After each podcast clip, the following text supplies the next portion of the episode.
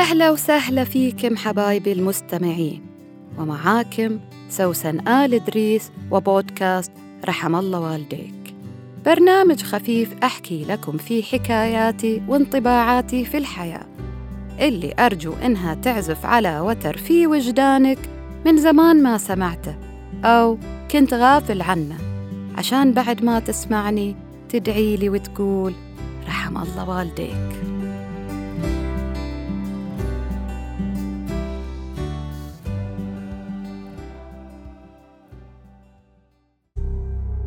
عفاف ويش قاعدة تسوي؟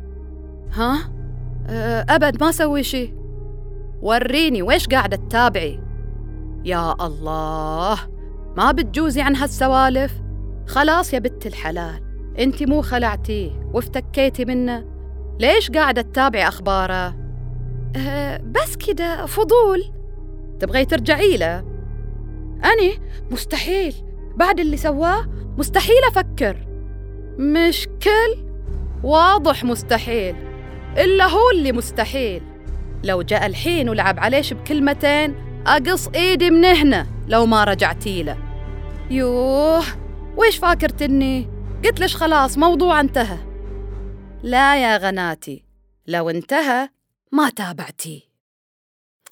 يوه اعتبريها فضاوة. لا لا لا. دي تبريرات تقوليها لنفسك عشان تراقبي حياته. وهو ولا داري عنش عايش حياته يتعرف ويتزوج وكل مرة سفرة شكل. وانتي بدل ما تخططي لحياتك وشغلك وأسفارك وهواياتك قاعدة تراقبي حياته. أحس إنش مكبرة الموضوع. لا مو مكبرتنه إنما فاهمتنه. وأفهم كيف يكون إنه الشي اللي يشغل بالك بيسيطر عليك وإنت ما تدري عنه أو إنك تدعي إنك ما تبغاه إنت لما تراقبيه على ال social media ولما تتطقسي عن أخباره وإيش يكون غرضك؟ أه أبد فضول فضول ها؟ على أساس إن كريستيانو رونالدو اللي المعجبين يحبوا يعرفوا تفاصيل حياته يا حبيبتي هذا اسمه اهتمام. ولما تهتم بالشخص يشغل فكرك ولما يشغل فكرك معناته إنك لسه عايش في الماضي ما تحررت. هو غلط وإنتي غلطتي واتفقتوا على الانفصال لأنكم ما فلحتوا مع بعض. مو جا الوقت إنك تنتقلي لمكان ثاني. بتفكيرك ووجدانك. هو اللي دمر حياتنا ولا أنا كان ودي في حياة مستقرة؟ ومن ما وده يا عفاف بالاستقرار؟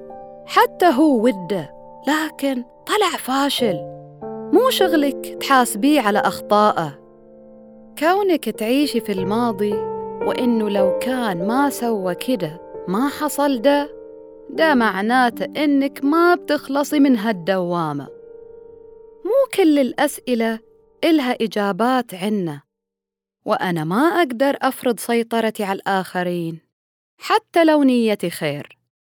في النهاية كل شخص بيسوي الشي اللي هو يبغى يسويه. وأنا لازم أتقبل إنه الآخر يخطئ وأنا أشوف ويش اللي يناسبني. هل أكمل معاه بأخطائه ولا أبعد وأعيش حياة جديدة؟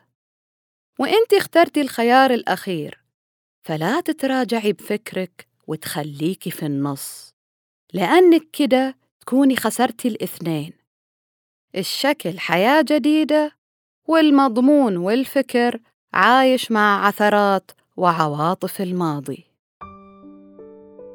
طيري واكتشفي ذاتك وتعلمي كيف تحبيها صح في إنك تخليها بأحسن حال.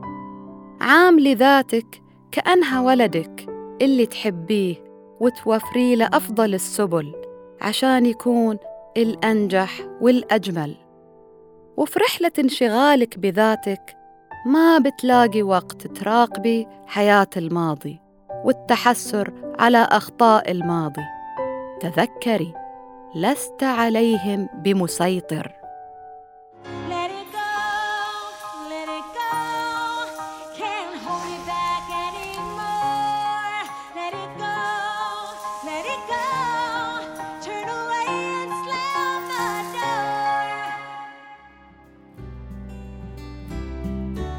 ونقول لكل من حرر نفسه من عوالق الماضي؟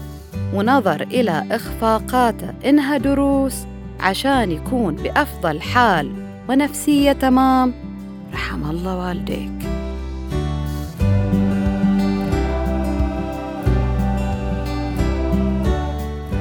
كنت معاك أنا سوسن آل إدريس. لا تنسى تشارك الحلقة مع اللي حواليك وتتابعني على حساباتي في السوشيال ميديا واللي حطيتها لك في وصف الحلقة. الحين أقدر أقول لك أتمنى لك يوم جميل ورحم الله والديك.